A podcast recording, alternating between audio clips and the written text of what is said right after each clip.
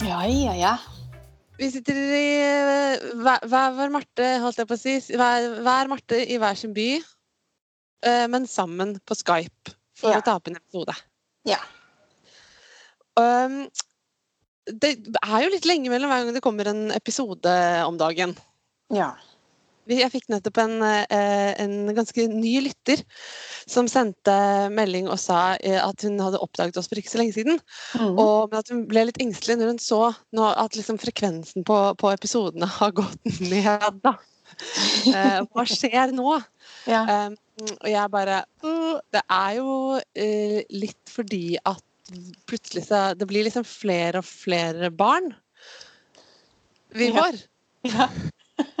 Du fikk et i høst. Og jeg har vel ikke sagt det faktisk på poden, men jeg får et i høst. Denne høsten som kommer, ja. i september. Ja. Eh, og da blir man litt sånn trøtt når man er gravid, og trøtt når man har et lite barn. Plutselig forsvinner kveldene våre, og vi får ikke spilt inn og sånn. Ja. Så vi, jeg tror det bare er litt sånn livet er, at man må finne seg i at frekvensen kan gå litt opp og litt ned eh, ettersom eh, hvilken fase Marten er i. ja. Det syns jeg er fint, da. At vi har liksom klart å opprettholde det likevel. Så det kommer ikke så ofte, men det kommer. Vi syns Ja. fortsatt det er gøy. Så. Absolutt. Ja. Det, det er faktisk et godt poeng. Mm. Det er fortsatt gøy. Ja. Jeg. Ja. Strikker fortsatt også. ja. Eh, I dag så tenkte vi at vi i anledning dette at frekvensen går ned, men at vi fremdeles holder stand, at vi skal ta og um, ta et lite tilbakeblikk på episode én. ja. Vår aller første episode. For vi har nemlig hørt gjennom den på nytt. Det syns jeg var ganske gøy. Ja, Det er kjempegøy. Eh, og så kan vi snakke litt om hva som har skjedd siden sist gang, for det har faktisk skjedd en hel del. Og så etter det så skal vi snakke litt om en, en, en trend som har eh, invadert eh, meg, Marte Burgess, ganske um, overraskende og mot min vilje. Nok om det for denne, i denne omgang. Vi tar det etterpå. Um, men først så blir jeg veldig nysgjerrig, for jeg ser at du sitter og strikker. Hva strikker du på nå? Ah, Marte, altså jeg har hatt det så vanskelig i det siste. Fordi at jeg hadde en sånn, et sånn rush av inspirasjon. Og jeg bare hadde lyst til å strikke i hele verden. Og så vet ikke helt hva som skjedde. Jeg bare datt helt av lasset. Så jeg begynte på det ene, begynte på det andre, begynte på det tredje. Bare rekker opp, blir ikke interessert i noen ting. Og så tenkte jeg ok, fordi jeg driver jo strikker og lager garn. sant? Så jeg tenkte ok, nå skal jeg ta tak i Ja, fordi det er 2019. Bruk opp skitten. Ja. Bra. Eh, nå tar jeg de nøstene med eh, merin, Pickles Merino Tweed, som jeg har liggende i gangen, som jeg har hatt liggende i gangen en evighet, og som jeg gleder meg til å bruke, men ikke visste hva jeg skulle bruke. Jeg tenkte ok, da gjør jeg som jeg pleier å gjøre. Jeg strikker en Frøken Seilegenser. Og nå fant jeg ut at det, det er da sannsynligvis Frøken Seilegenser nummer åtte, ni, ti, kanskje. Herregud. Litt skikkelig mange av dem. Ja. Men det, jeg har ikke, er, alle har ikke vært til meg. alle Nei, har du vet det har vært noen, eh, noen barn og sånn også. Ja. Eh, og så nå har jeg da eh, første striken der. Angora i nesa. Ja. Mm. Øh, nei. Eh, strike 2. Angoraen jeg brukte, var sånn som jeg kjøpte på salg som, hvor fargen ikke hadde blitt vasket ut. ja. Da ble det jo svart. Da. Svart angora. Ja. Det er sånn jeg, jeg er sånn dyp nesegrusbeundring for alle som klarer å strikke i svart angora eller svart mohair. For det er liksom så mørkt og fluffy på en gang at bare du, du må jo, du må jo sitte og nistirre på maskene for å være sikker på å ikke miste dem, liksom. ja, men ikke når man strikker sånn som det her, for der er det bare glattstrikk, og så er det tre striper og ferdig, liksom. Men Ja, kanskje, kanskje jeg bare er fordomsfull, fordi Ylva som jeg jobber sammen med, som også har, liksom eksempel strikka seg en svær, svart mohairgenser som er helt nydelig. Og hun bare Nei, det var ikke noe problem. Eh, Hun skjønner ikke hva jeg har imot svart, liksom. Jeg, jeg har ikke noe imot svart, herregud. Jeg elsker svart. ja. Tror jeg. Men det Går er aldri jo svart. Elsker jeg svart? Kjedelig, da. Strikke i svart. Ja, ja, ja, ja kanskje. Ja. Det, der har du liksom det som vi snakket om eh, for ikke så mange episoder siden. Eh, det man har lyst til å strikke i, kontra det man har lyst til å ha på seg. Ja. Det, det er sant. Ja, det er jo mye morsommere å, å, å strikke i Klovnenes by. Men man har kanskje ikke alltid mulighet til å ha det på seg. Det er jo der jeg er helt motsatt. For jeg syns jo Jeg vil jo helst strikke i liksom stikkende grått og brunt garn. Men jeg vil gjerne gå kledd som en sirkusartist hele tiden. og gjør det. Eh, så der har jeg en litt sånn der underlig omvendthet. Ja. Eh, men det er bare for å foregripe begivenhetene litt, så er jo det en av de tingene som har skjedd siden første episode. Ja. Det er at jeg faktisk har fått mer farge inn i strikkinga mi også. Fordi Ja. at jeg har sett dette. Jeg har sett meg selv, liksom. Og bare Jeg går stort sett alltid i minst minst to knallfarger hver dag. Ja. Og, og da drive og liksom kjørne ut disse grønn, grå, brun, svarte genserne er jo helt meningsløst. Ja. ja, nei, så da, den der Frøken Særlig-genseren Jeg strikka da opp til der hvor man skal begynne å strikke armer. Og så falt jeg av. Så jeg har ikke begynt å strikke armer. Den ligger og godgjør seg. Så nå har jeg da begynt på Dette her er ett nøstemarte. Nå holder vært opp noe som er omtrent like stort som hodet hennes. I hvert fall Ja, ja. Det er eh, eh, blanding av BFL og silke, tror jeg. Hvilken farge er det? Det er en sånn grågrønn farge. Jeg tror det er sånn håndfarget. Ja, sjøaktig. Sjøgrønn lysblass? Ja. Ja, helt sånn lys grågrønn. Grønngrå. Jeg ville Ja. sagt grønngrå, kanskje. Ok. Ja. Eh, sytrådtjukkelse. Og det var et eh, latterlig dyrt hespe som jeg kjøpte i Rotterdam, hos Javol. Jeg var der, som jeg bare ikke klarte å motstå og ikke har visst hva jeg skulle gjøre med.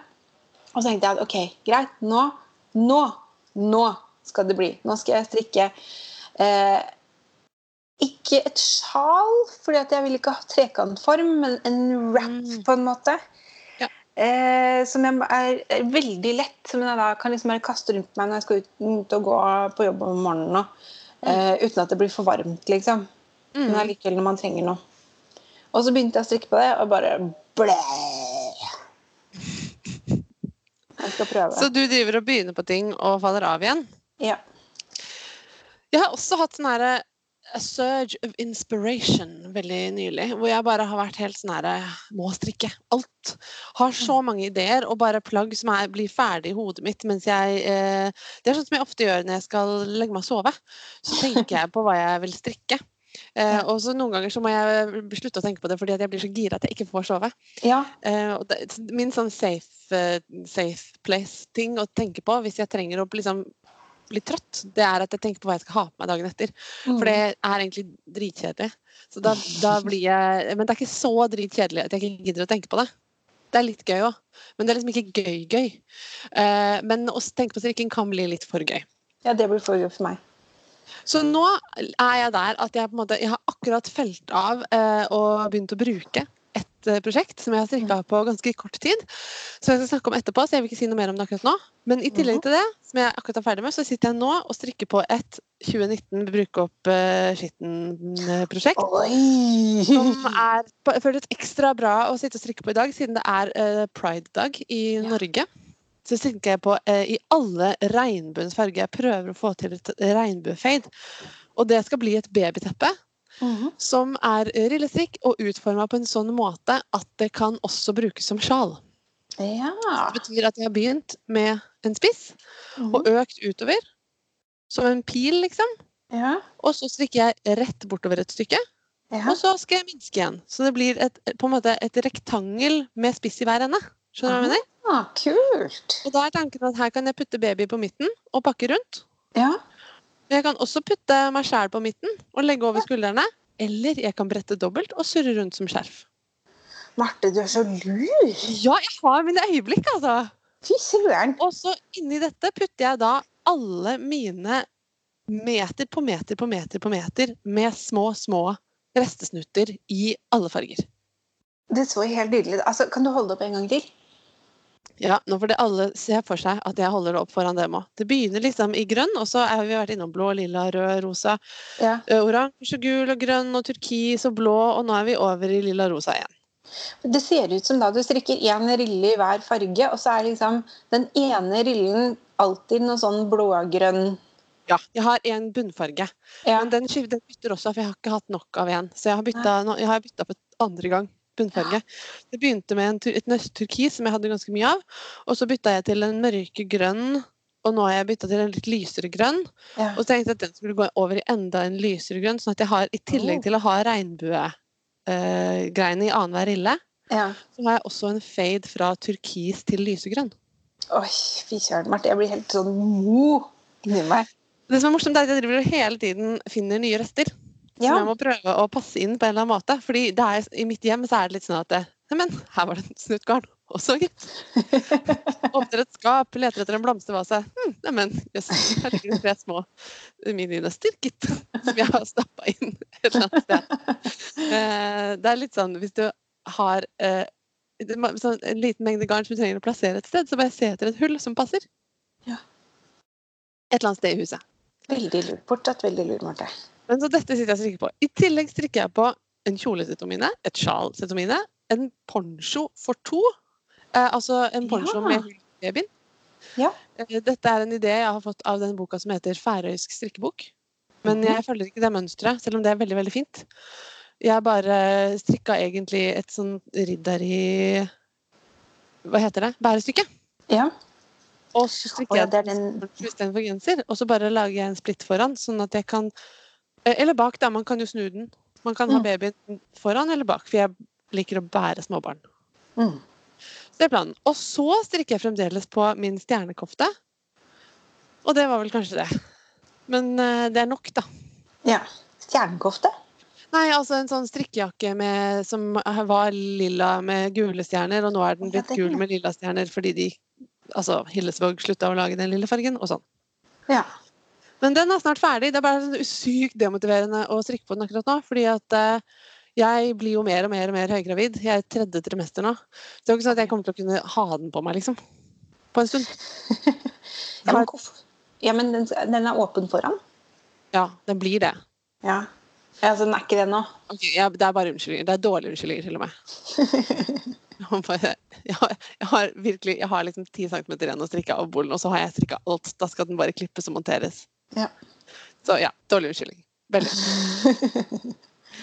Prøv å få den ferdig til jeg er ferdig med å være gravid, i hvert fall. Ja. Man går jo aldri med kofte lukka uansett. Eller jeg gjør det veldig sjelden.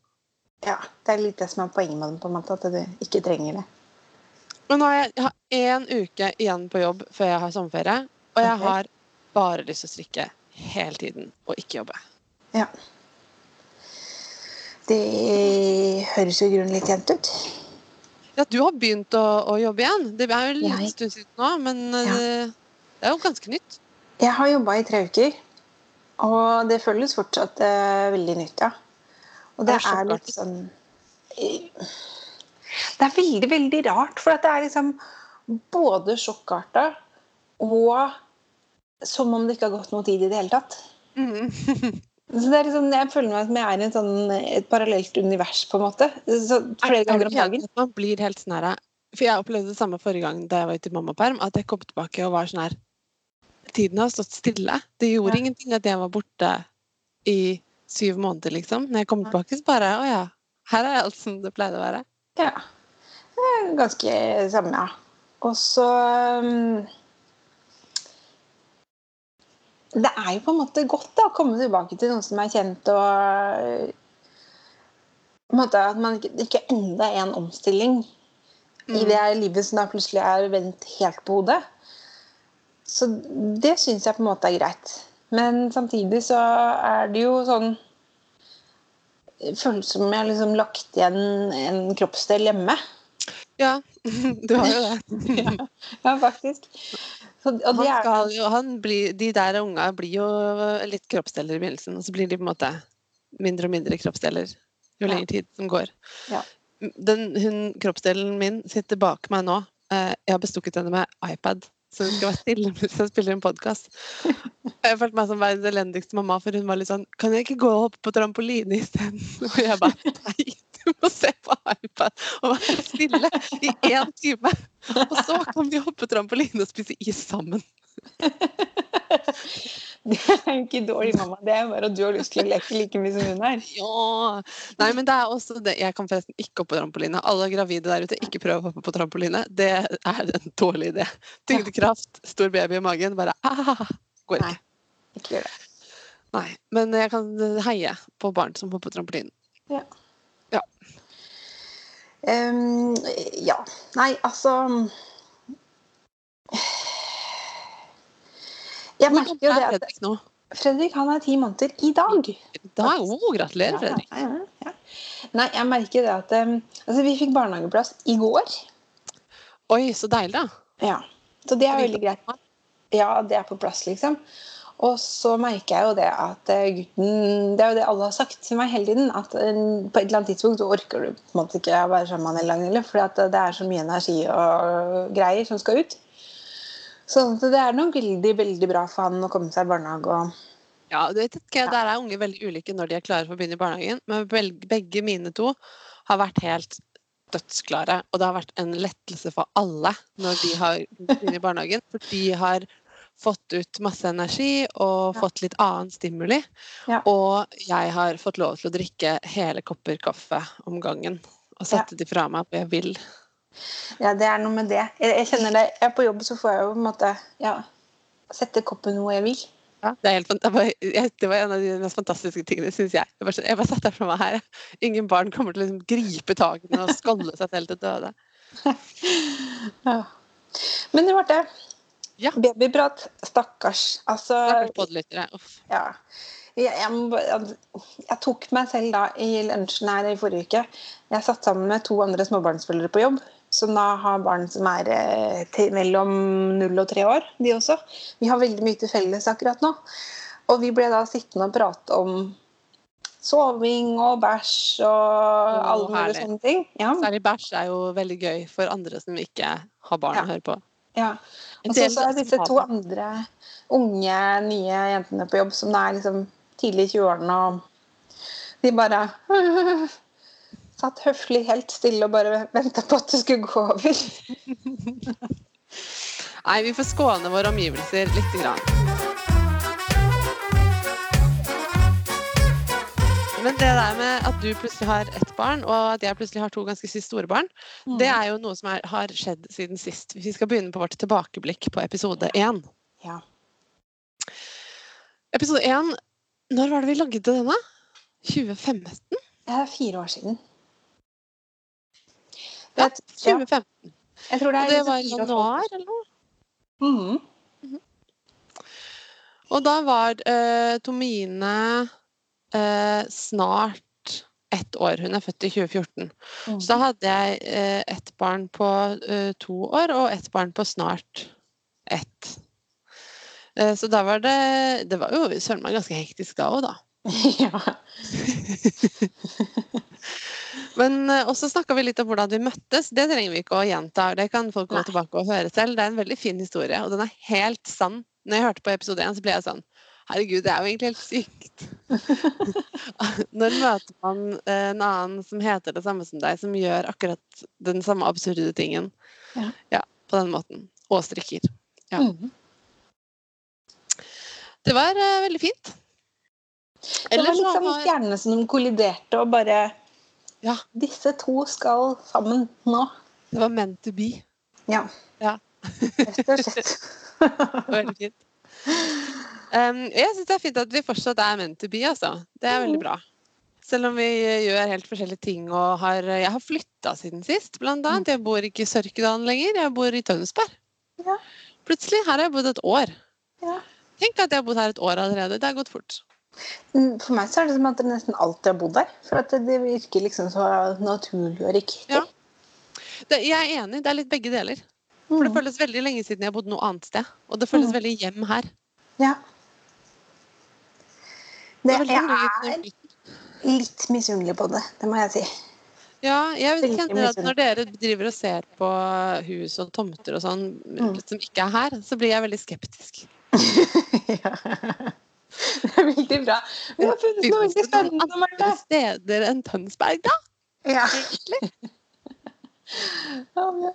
Jeg kom til deg og sa ah, vi har funnet et dødsbra sted på Østfold-sida. Marte bare Å ja. Det er sikkert fint der. Østfold, ja. Der har jeg vært før. Det var ikke noe fint der. Ja. Nei, jeg bor jo da fortsatt midt inne i byen. Og bor Ja. enda mer midt inne i byen enn før, nesten. Da vi spilte inn, så bodde du på Sakkashaugen. Det sa Ja. vi mange ganger i episode én. Ja. Sankthanshaugen, altså. Eh, du bor litt mindre på Sankthanshaugen nå. Du Ja. bor mer liksom sentrum. Selv Ja, om du bare altså- bor noen hundre meter fra der du bodde før, da. Ja. Jeg er inne på samme område, til og med. Ja. Men det er liksom i enden av området ned mot eh, sentrum, ja. Ja. Og det er Altså, i går, i natt, så kjente jeg bare at ok, nå er jeg klar til å flytte. Det har jeg ikke kjent før. Men da, altså, da Fredrik våkna eh, for eh, fjerde gang, og jeg måtte opp og amme, og jeg hørte eh, Robbie snorke her inne, og Fredrik som da hylte der inne på rommet sitt, og så var det dødsvarmt og tett luft. Og så kunne vi ikke åpne fordi at det var masse fest ute. Mm. Så ble jeg sånn Nå orker jeg ikke mer. Nå må noen holde kjeft her. Nå orker jeg ikke mer. ja, jeg Jeg må skjønner. kunne åpne vinduet selv om det er lørdag kveld. Natt. Ja, skjønner. Ja, her kan man definitivt åpne vinduet når som helst. Her er det tyst. Ja. Så ja, vi får se hva som skjer. Ja, det blir spennende. Mm. Um, og så har du fått, uh, istedenfor å ha null barn, så har du plutselig ett barn. Ja. Og det er jo en stor overgang i livet. ja. Men hva med det aller, aller, aller viktigste, Marte? Har det skjedd noe uh, på strikkefronten de fire årene vi har hatt podkast? Ja. Det har jeg tenkt litt på. Og jeg har ikke sett meg selv som en sånn veldig avansert strikker. For jeg, det er ikke sånn at jeg går og oppsøker de vanskelige prosjektene med de vanskelige teknikkene. liksom? Nei, jeg strikker det jeg har lyst til å strikke. Og for at det, som vi også snakket om litt tidligere, at det, jeg tror vi kanskje, begge to kanskje i ganske stor grad er sånn eh, Hva kalte du det? Produktstrikker, eller Ja. Altså at man kan være produktstrikker eller prosessstrikker. Ja. Uh, hvis du er prosessstrikker, så er det selve strikkingen du Mm. higer etter. Og det er det jo også, men for meg er det definitivt sånn at jeg begynner å strikke på noe fordi jeg vil ha den tingen. Ja. Så jeg bryr meg ikke så veldig mye om liksom, akkurat hvordan det blir til. Jeg tenker da at jeg, hvis det er noe jeg ikke kan, eh, det finner jeg ut av. Så Ja. lenge jeg får det jeg har lyst på, liksom. Eh, og så, men så merket jeg i går, var det vel kanskje, jeg skulle eh, hjelpe mamma med et eh, vottemønster. Som jeg syns er veldig fint, som jeg strikker flere ganger. Og så tenkte Mamma ville ikke ha det på engelsk, så jeg skulle oversette det for henne. Og så satt jeg der og, og skrev det av, da, på en måte. Og så skjønte jeg at oi, hvordan i all verden skal jeg oversette det her på en enkel måte? Sånn at mamma, som da ikke har strikket sånne Hun har strikket sånn veldig hva skal jeg si, vanlige ting. Sånn Ja. Mariuskofter og sånne veldig Ja, Sånne litt klassiske norske mønstre, kanskje. Ja. Det er liksom strikke rett opp, sy, klippe, ferdig. Ja. Eh, ikke så mye sånn eh, Hva skal jeg si eh, turen for fingrene. Nei, og kanskje ikke sånne finurlige designløsninger, liksom. Nei. Eh, og så slo det meg at ok, men det her er jo helt åpenbart enkelt for meg. Ikke noe problem, liksom. Så det jeg tror kanskje har skjedd på de fire årene, er at naturlig nok, da, siden jeg har strikka ganske mye, så har jeg også da blitt mer avansert, kanskje. Ja, kult. Det var morsomt, fordi jeg kom til litt motsatt konklusjon. At jeg kanskje har blitt litt mindre avansert. Jeg føler at For fire år siden så drev jeg og liksom gjorde litt det der med å oppsøke mønstre og prøve å lære meg nye ting og sånn. Um, men det som har skjedd på de fire årene, er at jeg har blitt mye mer tro til meg selv på den måten at jeg er mye mer sånn bevisst på at jeg gidder ikke å strikke ting hvis ikke det er ting jeg virkelig vil ha. Mm. Og jeg er, selv om jeg syns at strukturstrikk, altså hullmønsterstruktur, Mm. er helt sykt vakkert, Mm. så er det bare skikkelig ikke min stil. Jeg drev og hadde en sånn visjon om at jeg skulle strikke den der honeybee cardigan. Den har jeg Ja. ranta så mye om på denne poden, og jeg syns fremdeles at den er helt sånn vanvittig vakker. Men det føltes altså som 1000 kilo av skuldrene da jeg bestemte meg for at nei, den skal jeg faktisk aldri strikke, selv om jeg har kjøpt mønsteret. Fordi jeg vil egentlig ikke ha den på. Jeg vil bare ha strikka den. Mm. Fordi at den ser vanskelig ut og er pen. Mm. Men det er ganske mange ting jeg syns er pent som jeg ikke vil gå med av en eller annen grunn. Jeg vet ikke helt hvorfor det er sånn. Men det har med det fargegreiene å gjøre også. At jeg vil gjerne strikke i naturfarger hele tiden. Og så vil jeg gjerne gå med sterke farger. Ja. Så, og gjerne, det, de tingene jeg ender opp med å gå masse, masse, masse, masse, masse med, det er ting som er liksom enkelt og glatt strikka. Ja. Så Ja. da strikker jeg det, da. Så jeg har på mange, måter blitt mindre avansert. Eh, og strikker kanskje også i takt med at eh, liksom, livet er ganske eh, fullt av eh, action hele tiden. Um, unger og bikkjer og, og ting som skal skje. Så strikker jeg gjerne ting som jeg kan eh, strikke uten å tenke så veldig mye. Mm. Og finne på mer og mer. Altså det, jeg sa det i den eh, første episoden vår, at jeg sjelden uh, følger mønstre. At jeg ofte begynner med et mønster, men uten å følge det hele veien. Mm. Men i enda større grad eh, enn før har jeg bare lagt mønsteret bort. Altså hele konseptet. At jeg Mm. bare finner på fra første maske. Mm. Men det kan du også si på en måte at er å bli mer avansert, da. At jeg kan bare Ja, det er gensere både ovenfra og nedenfra, og med raglan og rundfelling og i sydermer øh, og sånn. Det er jo på en måte kanskje avansert, da. Du har i hvert fall eh, hva skal jeg si, selvtillit på eh, og trygghet for hvordan Eller teknikken bak, da. Så du trenger ikke å bruke mye energi på å tenke på det. Så har jeg jo lært meg den geniale tingen at hvis det ikke blir bra, hvis det ikke blir sånn som jeg hadde tenkt, så kan jeg bare si det om, og så blir Ja. det som jeg hadde tenkt. Genialt. Kan bare liksom eh, ta inn litt her, snurpe litt her, sy noen Ja. ting. Ferdig. Ja. Veldig bra. Ja, det, det er fint, altså. Ja. Uh, har jeg snakka om de to eh, strikkejakkene som ble ferdig i påsken på podden? Nei. Nei, jeg tror ikke det. Fordi jeg hadde jo Jeg strikka to strikkejakker helt ferdig i høst. Altså typ helt ferdig. Mhm. Og så passa det ikke sånn som jeg ville. Den ene Nei. ble eh, altfor A-linjeforma, eller den Det er den Den er fra det aller, aller første nummeret av bladet Garn. Ja. Og er en sånn kort bolero med blader rundt kanten nederst. ja. Bare at min fordi jeg ikke fulgte oppskriften og ikke fulgte med, så ble den, eh, svingte den ut som en liten klokke. Veldig stygg. Eh, også den andre jeg den var veldig løst inspirert av en jakke som The West Strand Sisters har laget. Um, og den eh, i et fantastisk garn av uh, værbitt som heter drageegg. Og er sånn grønnturkis, uh, litt sånn skiftende farger. Helt sykt vakkert. Og den ble altfor trang i ermene. fordi at når jeg sier løst inspirert, så mener jeg at jeg hadde sett jakka. Jeg gadd ikke å se på mønsteret én gang. Um, så jeg bare gjetta hvordan de hadde gjort det, og det var nok ikke sånn de hadde gjort det. Og så glemte jeg litt hva jeg holdt på med på slutten, så jeg bare snurpet litt her og, og festet litt her, og så ble den ferdig. Bare at da var den altfor trang i armhulen, liksom. Mm. Så de to koftene de stappa jeg inn i et skap og var sint på dem. Og der lå de i eh, seks måneder. De lå der et halvt år, liksom. Ja. Før jeg tok dem fram og bestemte meg i påsken for at liksom, nei, nå skal jeg ta grep. Og så brukte jeg liksom all strikketiden min på én dag på å gjøre dem ferdig, og nå er de to favorittkofter som jeg bruker hele tiden. Mm. Og altså, jeg er så teit at jeg hadde, jeg hadde festa tråder, jeg hadde sydd i knapper, alt var ferdig. Det eneste jeg måtte gjøre, det var at jeg måtte sy inn den som sto ut som en klokke. Mm. Altså jeg bare eh, Den hadde eh, masse ekstra tekstil i ryggen. Ja. Og det bretta jeg inn. Sydde en søm for hånd. Og så klippte jeg bort det altfor mye tekstilet. All hele greia fins på Instagrammen min. Og da ble den helt super. Ja. Og den andre, den bare straffblokka jeg over en veldig stor blomstervase. Og plutselig var ermene ikke for store lenger. Og det var alt som skulle til, liksom. Den måtte bare bløtes ned, tres utenpå en vid sylinder. Og så var den helt perfekt. Ja. Så da ble jeg litt eh, oppgitt av at jeg ikke bare hadde gjort det med en gang. Mm. Men det er også da et bevis på at eh, det meste kan reddes.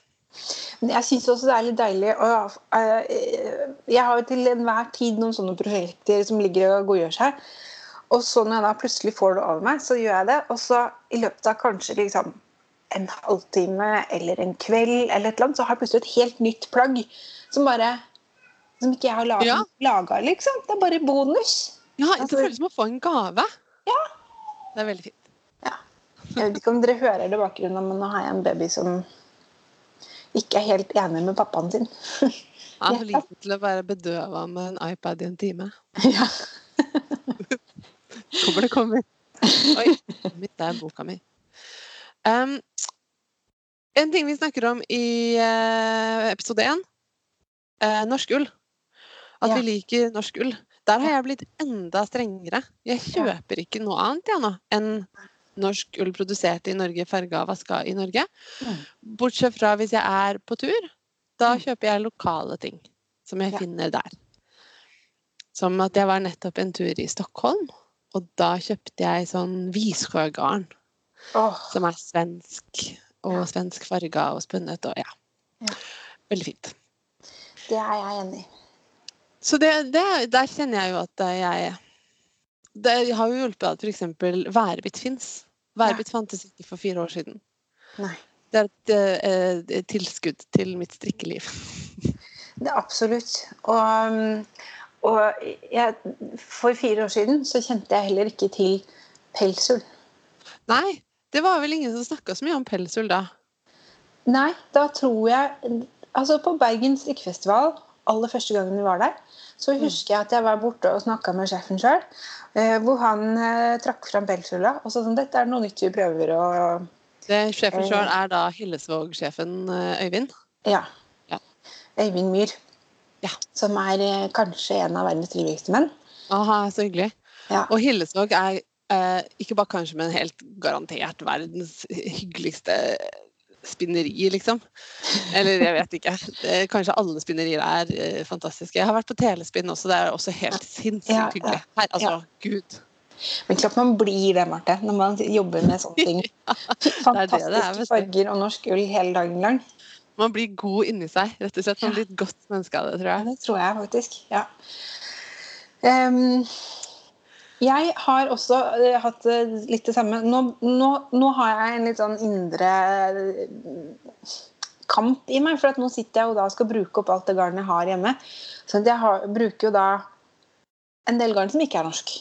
Og så Ja. føles det nesten litt feil, fordi at eh, eh, Jeg vil jo ikke egentlig strikke i det garnet. Nei, Men- jeg er helt enig. Jeg har akkurat samme Men det er bedre at jeg stikker opp enn at jeg kaster det, tenker jeg. Ja, ja, ja. ja, ja. Sånn og jo, du jo- har jo det garnet. Det er jo ikke sånn at du går og kjøper det, liksom. Nei, Så det må jo brukes opp. Og så eh, er det jo veldig tilfredsstillende å få tømt litt i lageret.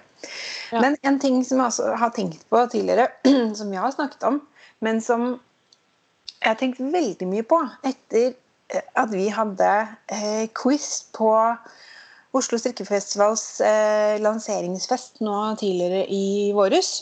Mai. Strikk... Ja, i mai. Det var koselig. Ja, det var veldig koselig.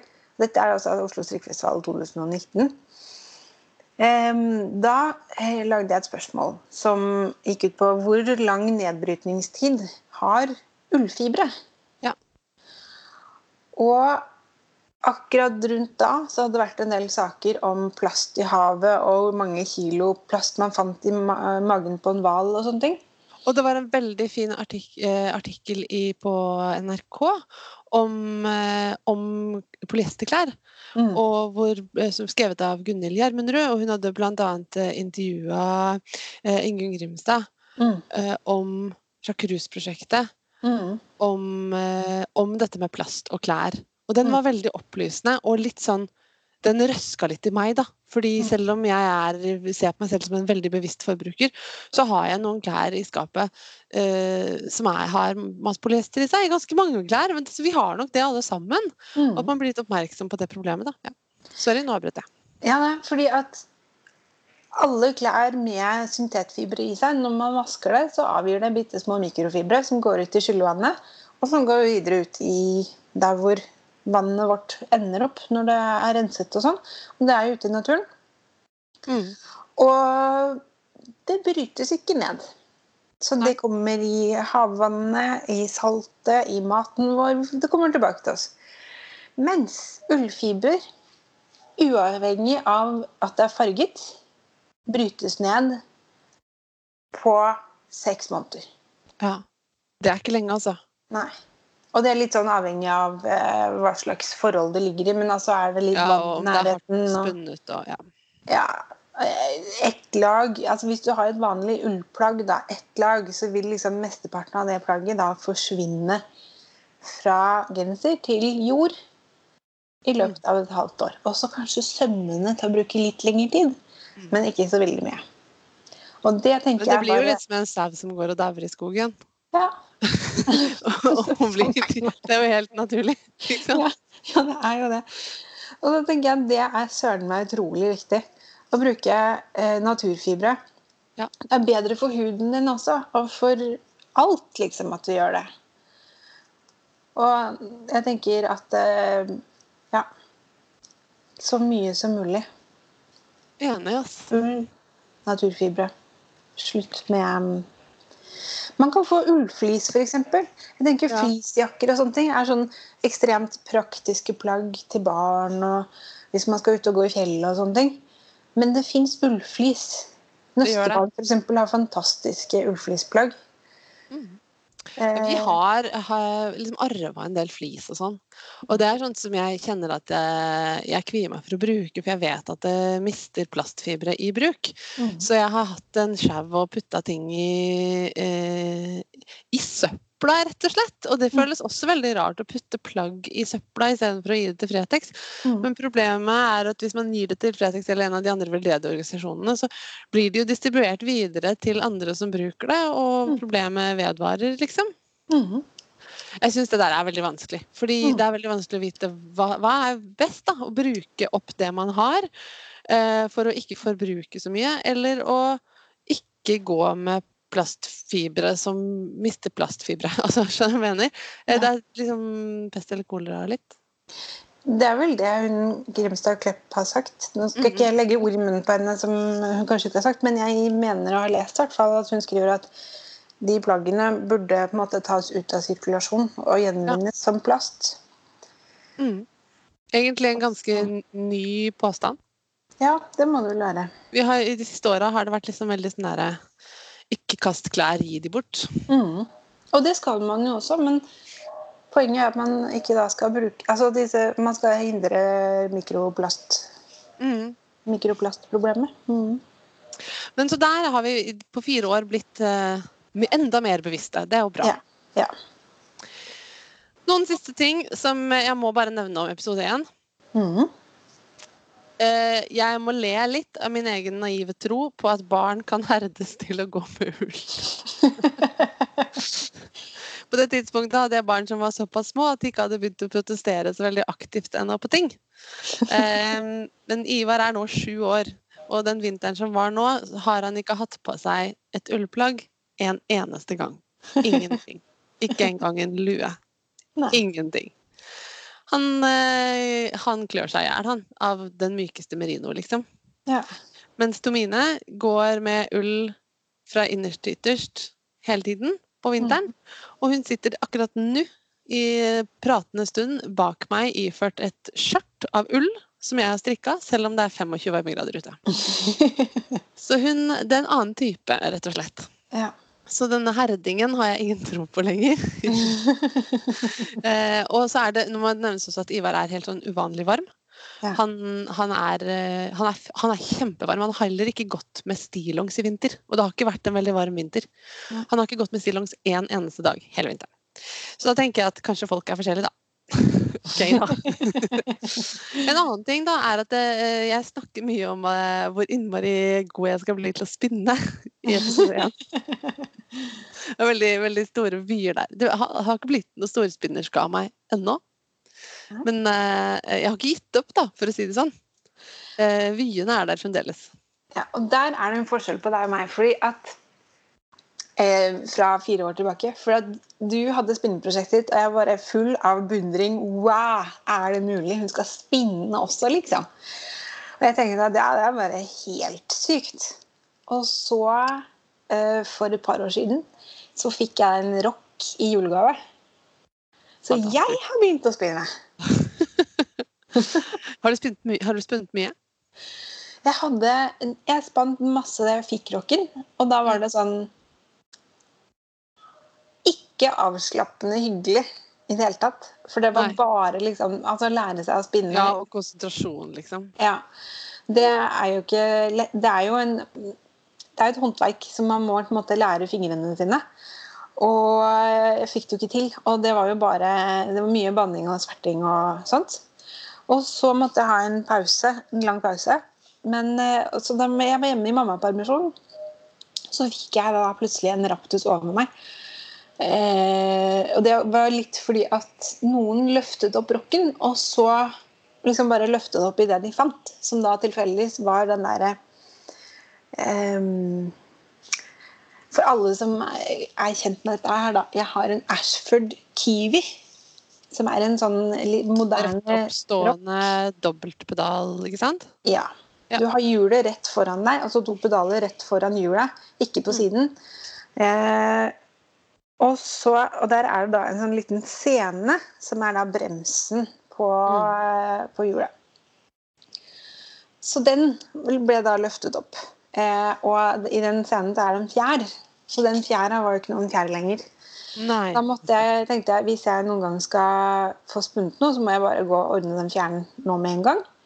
Eh, og gikk innom Spinnvilt, som er en eh, butikk som ligger på, i Nydalen. Som selger rocker og vever og ull og Altså, det er nesten litt sånn himmelrike på jord. Kult. Eh, og det var så forferdelig inspirerende, så da måtte jeg bare rett hjem og, og spinne. Og så viste det seg at jeg kunne jo spinne mens kiden lå og sov. Så da fant jeg opp ja, all ulla og faktisk tvinnetråd. Og nå begynner det å komme seg. Nå begynner det å bli liksom noenlunde jevn tjukkelse på det. Så kult. Fortsatt ikke liksom og tynt, akkurat. Men uh... Mingus, da?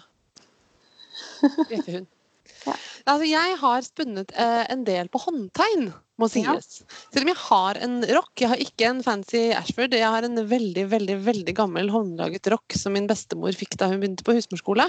um, og den uh, er skeiv og skakk og uh, spinner ikke så jevnt. Um, men den er veldig, veldig fin. Ja. Og jeg er veldig glad i den. Og jeg har spunnet på den, og det funker fint. Jeg mm. bare er nok Kanskje ikke en sånn person, men i en, i en, sånn bit av livet hvor jeg har veldig få anledninger til å sette meg ned og gjøre noe over lang tid. Ja. Det er opp og ned og opp og ned og opp og ned hele tiden. Derfor mm. funker strikking bra, og derfor funker også håndtegn bedre enn rock. Fordi at jeg har en kurv med ull og håndtegn stående.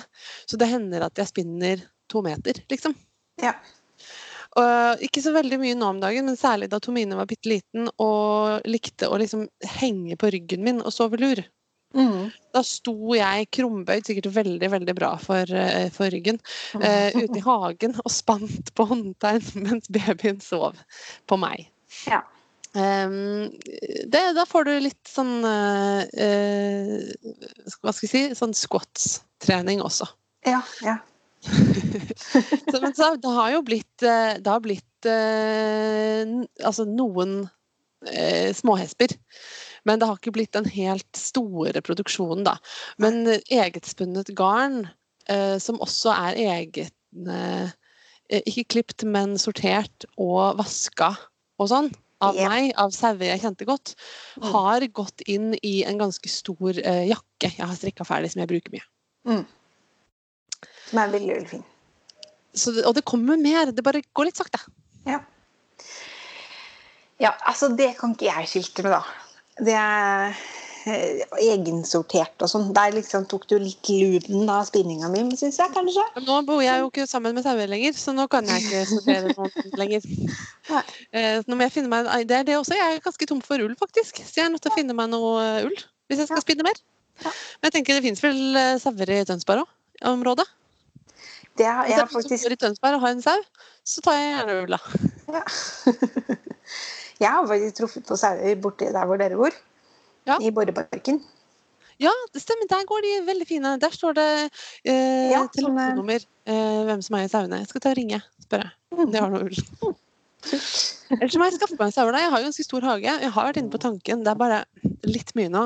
Eh, baby kommer, og ja, kanskje gi, gi, gi litt tid. Katt kanskje vente et halvt år? Ja. Noe sånt. Ja. Eller litt mer, kanskje. Men du, jeg, jeg syns vi skal bytte tema. Ja. Episode én var eh, Jeg syns den var en veldig bra første episode, jeg. Mm. Um, og håper at nye følgere som finner oss, eh, finner den også. Vet, folk har litt sånn ulik eh, strategi på å begynne å høre på nye podkaster, har jeg skjønt. Um, Ja. Noen begynner med en episode én, og noen liksom begynner på slutten. Hva, hva, hvilken type er du? Jeg har alltid vært litt sånn Jeg har nesten hatt litt sånn um, tvangslidelser. At jeg må begynne på én og høre meg gjennom alt sammen. Og, jeg har, og sånn er det med bøker og alt, at jeg lider meg gjennom. Uh, fordi at jeg har bestemt meg for at dette skal jeg høre på, eller denne skal jeg lese. eller et eller annet sånt. Og så uh, har jeg skjønt da at det er faktisk ingen som sjekker om jeg ikke leser halve boka. Og paradokset er jo at eh, Er det lov å si, forresten? Eh, jeg sier det uansett. Eh, de fleste blir jo bedre til å podde etter hvert.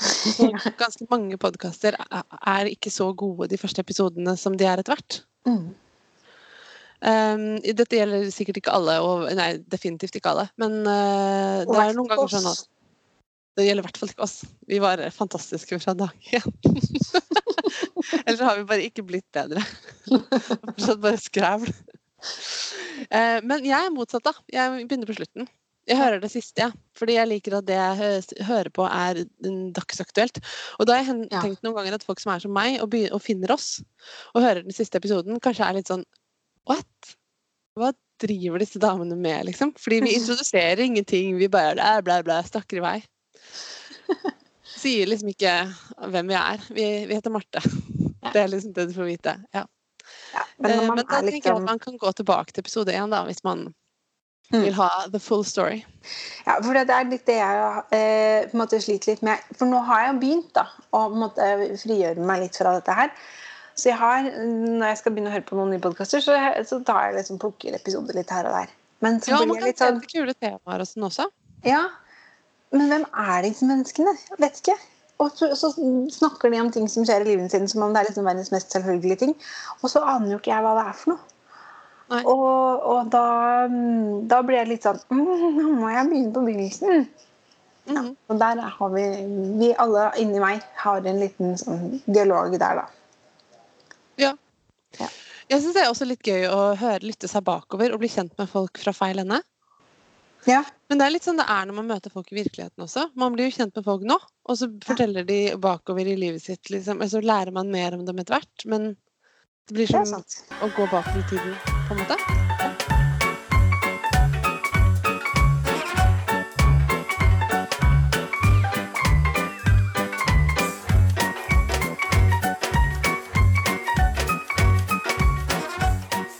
Men du, jeg sa i stad at jeg nettopp hadde felt av et prosjekt. Ja. Og så sa jeg at det var en trend som har invadert meg overraskende og mot min vilje. Jeg er veldig nysgjerrig på dette her. Jeg fikk en veldig rar gravid-craving for noen uker siden. Ja. Ikke mat. Eh, Jeg har aldri opplevd det noe særlig. At jeg får sånn lyst på absurde ting som noen får når de er gravide. Jeg fikk eh, lyst på absurd garn i stedet. Ja. Altså, ja, Det er jo litt flaut å innrømme, fordi vi har hatt en episode før hvor jeg har snakket om klovnespygarn, og hvor mye jeg hater det. Eh, det, er, det er noen mennesker i min nærmeste omkrets som har ledd ganske mye av meg fordi at jeg plutselig måtte ha dette garnet. Jeg, det var litt, nesten litt sånn at jeg våkna om natta og måtte ha dette. Jeg var litt sånn Det må være supermykt. Sånn deilig rett på huden mykt. ja. Eh, og det må eh, fargeskifte mellom gult og rosa. Og det er veldig fint om det også har innslag av turkis og lilla. Eh, og denne, dette gikk jeg og tenkte på og tenkte og tenkte, eh, helt til jeg liksom til slutt sendte Jeg tror jeg sendte liksom melding til eh, Laila Værbit. Både på Instagram og på Messenger for, og på tekstmelding for å være sikker på at hun med denne beskrivelsen. Og liksom bare 'Jeg må ha dette! Har du det?' Og hun var litt sånn «Mm, Ja, jeg skal se om Jeg tror kanskje jeg har noe lignende som kan passe.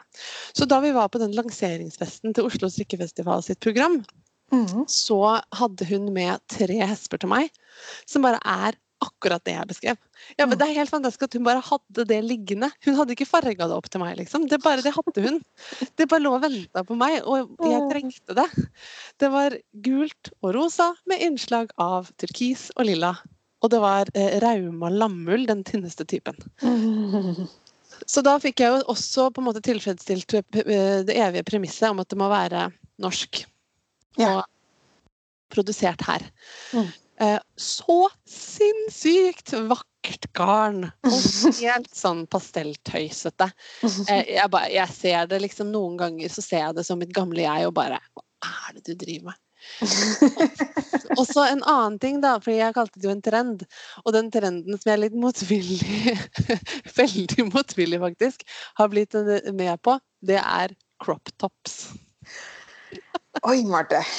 ja, veit! Jeg er liksom Jeg, jeg er 1,80 høy.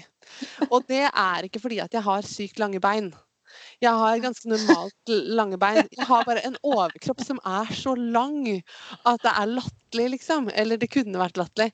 Um, det, det er morsomt eh, at jeg har alltid slitt med å finne lange nok klær. Mm.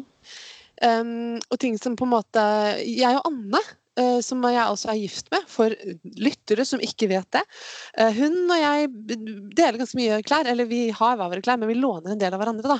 Mm. Og hun er bitte, bitte, bitte liten. Mm. Eh, men vi kan bruke akkurat de samme buksene. Null problem. Ja. Hun er ikke bitte liten, hun er 1,65. Ja, hun er som meg. Hun meg, da. Men når det kommer til ting på overkroppen, så er det sånn at eh, hun har annet en sånn halvlang kåpeaktig ting som jeg pleier å låne. Det er bare at på meg så er det en kort jakke. Men Marte, nå rekker du opp alle tingene du har strikka. Ah, Oi. Hvorfor det? det ble feil. Ja, men Da er det like greit å gjøre det. Du kommer ikke til å angre. Nei. Hvis noen hører lyden av misfornøyd hund, så er det Mingus som ikke syns han har fått nok av noe. Ja. Men jo, jeg har en veldig lang overkropp. Jeg har aldri vurdert crop tops engang. Og 90-tallet med sine lave, lave bukser og eh, høye, korte topper og magebiten som stakk ut imellom, Ja. ikke mitt favoritt-tiår på klesfronten. Nei. Fordi der andre folk viste to centimeter mage, hvis jeg gikk med de samme klærne, så var det liksom 20 centimeter midje som stakk ut, liksom. Så jeg har liksom alltid vært sånn her Det skal være langt. Jeg kjøper tunikaer, og de er ikke tunikaer til meg, men de er vanlige gensere, liksom. Men nå er det jo da sånn at jeg fikk veldig spesifikke cravings. Det var dette garnet, og det skulle være mykt, og det skulle være en genser. Det er bare det at det ser ut som jeg har svelget en vannmelon hel om dagen. Ja. Eh, magen er stor, så jeg kan jo ikke strikke en genser nå. Men Nei. jeg ville ha den nå. Ja. Jeg ville ha den på meg nå, liksom. Ja. Så det jeg gjorde da, var at jeg strikka ned til der magen begynte, og så felte jeg av. Fordi når vi var på den der eh, strikkelansering-tingen, så var det mange som sa det. Eller det var liksom noen som sa det, da. Ikke mange. Det var et forslag. Kan du ikke strikke en crop top? Og jeg bare ha-ha-ha, crop top, det er så teit, da. Og så strikka jeg en crop top. Den ble kjempefin, jeg har brukt den masse. Jo, men når man er gravid, så er det liksom helt naturlig at du har en svær kul som man ikke får ting over. Ja. Så enten måtte jeg Jeg kunne jo også strikka en eh, jakke, da, og så kunne jeg bare hatt den åpen. Men jeg ville strikke genser. Ja. For jeg har også oppdaget det da jeg var gravid i, i fjor sommer, at en del av de strikkegenserne jeg eh, Det er noen som rekker opp hånda. Ja, hun er veldig flink. Hun rekker opp hånda når hun skal si noe. Hva er det til middag? If we have apples, they're in the kitchen. I'm not sure. We might have one. They're in a bowl on the kitchen counter. Oh, you're going to drop that. Whoops. Nå hører jeg at det er noen her ute som også holder på å gjøre seg klar for å gå tur. Ja, vi skal snart gjøre oss ferdig, vi òg, da. Det er så mye å snakke om. Det er, Åh, Men i hvert fall, det ble en crop top. Og det verste er at etter at den er felta og ferdig og satt i bruk, så har jeg tenkt litt sånn Jeg trenger flere crop tops i livet mitt. Så det er jo et fantastisk eh, eh, genserprosjekt. Ja. ja, for det var det jeg skulle si.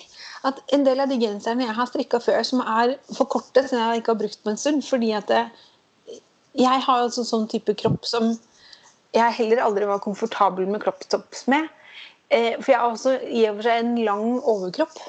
Men jeg har også sånn at eh, det legger seg ikke bløtstoff, som eller blø, man kan kalle det, da, på bein eller armer eller noe. Det legger seg akkurat midt foran på magen.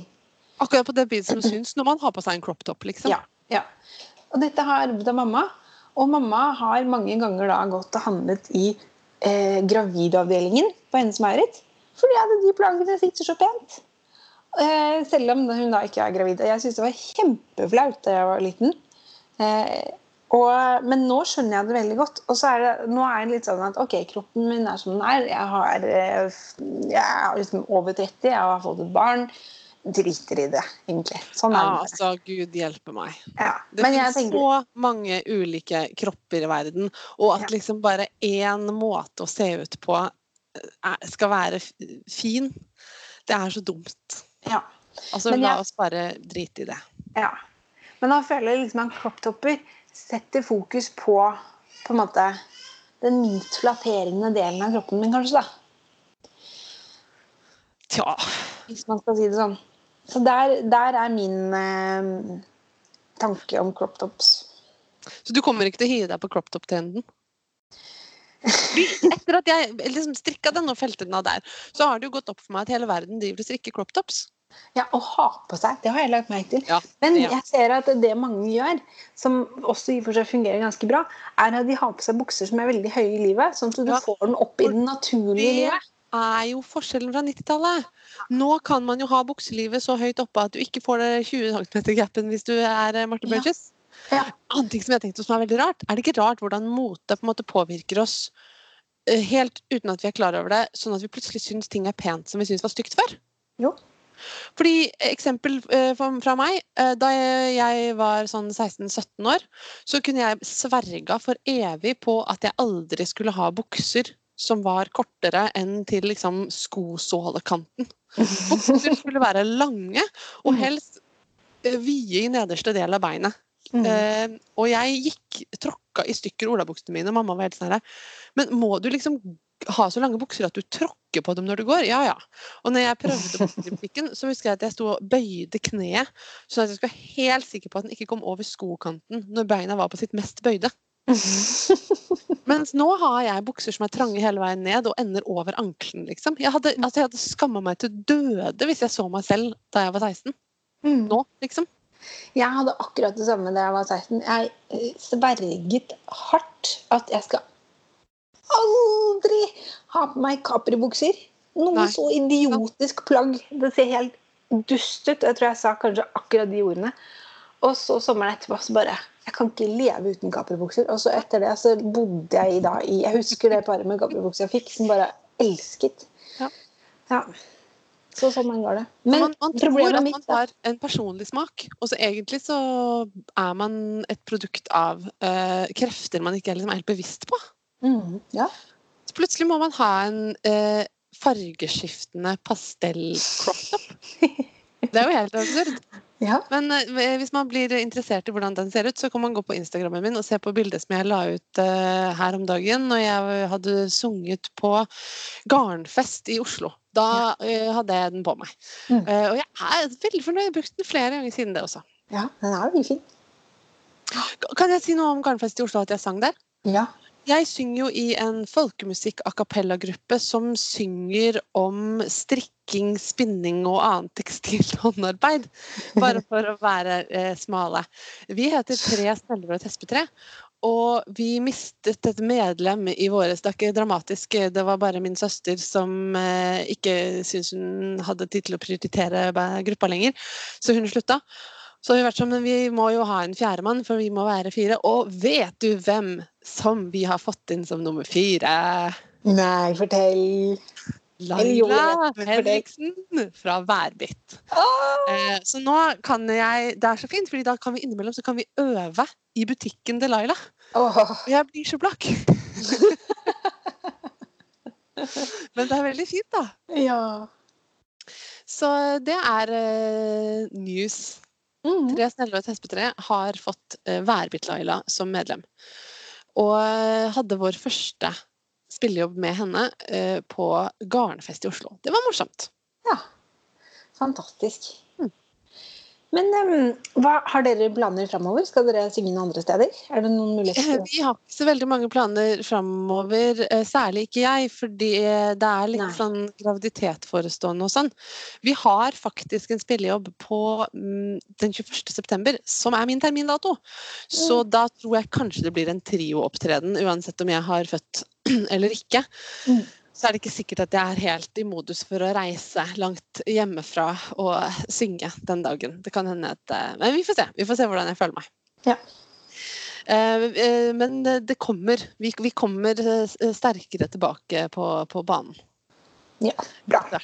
Men du, vi har noen planer, du og jeg, Ja. Marte og Marte, ja. som vi må snakke om. Vi sa at vi var på lanseringsfesten til Oslo strikkefestival. Mm. Men vi skal jo også på Oslo strikkefestival. ja, det skal vi. Så greia at de har lagt det tidlig i september, sånn at jeg ser for meg at jeg fremdeles er mobil. Mm. Og ikke har et barn ennå. Krysser fingrene for det. Altså, jeg har to ganger.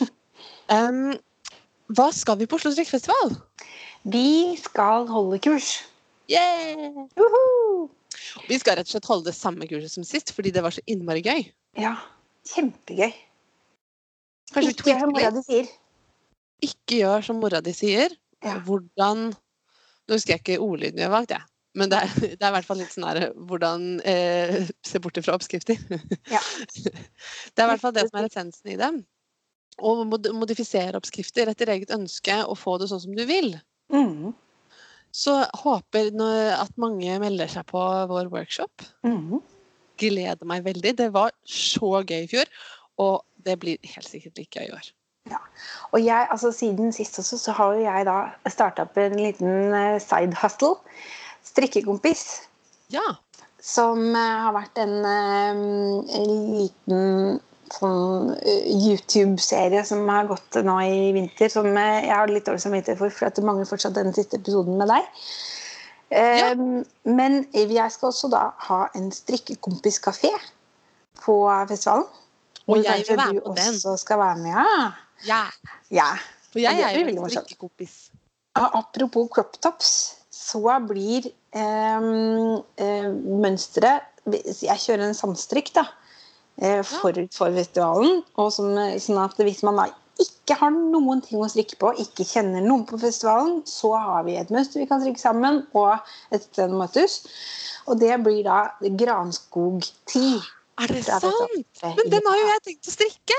Ja, men fantastisk! Ja, jeg har jo planlagt det, liksom. Jeg bare vet ikke om jeg kommer til å følge mønsteret. Men den er jo også litt sånn kort. Ja, men det var derfor. Det var fordi jeg tenkte uh, at jeg trenger en crop top til. Jeg må bare finne meg noe egnet fargeskiftende garn. Ja. Jeg, jeg, har faktisk, det jeg kaller det for enhjørninggarnet, det er rosa, gull, turkis, eh, lilla. Ja. Eh, og jeg har eh, nok igjen av det eh, til at jeg, hvis jeg skulle, eh, etter at jeg har født, angre på at genseren ikke er lang, så kan jeg Mm. plukke opp og strikke resten. Ja, veldig lurt. Eller så kan jeg bare strikke en crop top til. Ja. Og så har jeg en datter på fem som har sikla ganske mye på det garnet, så jeg tror jeg kan få omsetning for det uansett. Ja. ja. Marte, nå må jeg gå. Nå må du gå ut i verden, og jeg også. Og, eh, men, men jeg håper vi ser mange på Oslo strikkefestival. Ja. Både de få som kommer på workshopen, for det er jo ikke plass til så mange, men også alle de andre som eh, skal dit og kan være med på samstrikk og sånn. Mm. Vi gleder oss veldig. Det blir min Ja. siste nære, sosiale uten baby strikkeraptus før eh, jeg går inn i ammetåka. Ja. Og inntil det så må dere følge oss i sosiale medier. Facebook eh, har vi en side, Marte og Marte. Og på Instagram fins vi bare som enkeltpersoner. Vi Mm. vurderer å gjøre noe med det, men vi har ikke landa på noe helt. Ja. Men jeg heter uh, Marte underscore Nitz. Og jeg heter Marvold. Arvold. Ja. Skriv til oss. Strikk med oss. Uh, snakk med oss. Hvis dere vil det. Ja. Og så kan vi ikke love noen fast frekvens på episoder, men vi fortsetter å overraske dere med gull som dette. I all beskjedenhet. ja. Var ikke det fint, da? Ja, veldig bra. Nå er det sommer. Eh, nå må vi gå og spise is. Ha det, Det var Marte. kjempekoselig å se deg, Marte. Ja, I like måte. Alltid. vi burde gjøre det ofte. Ja. Ha det, Marte! Ha det!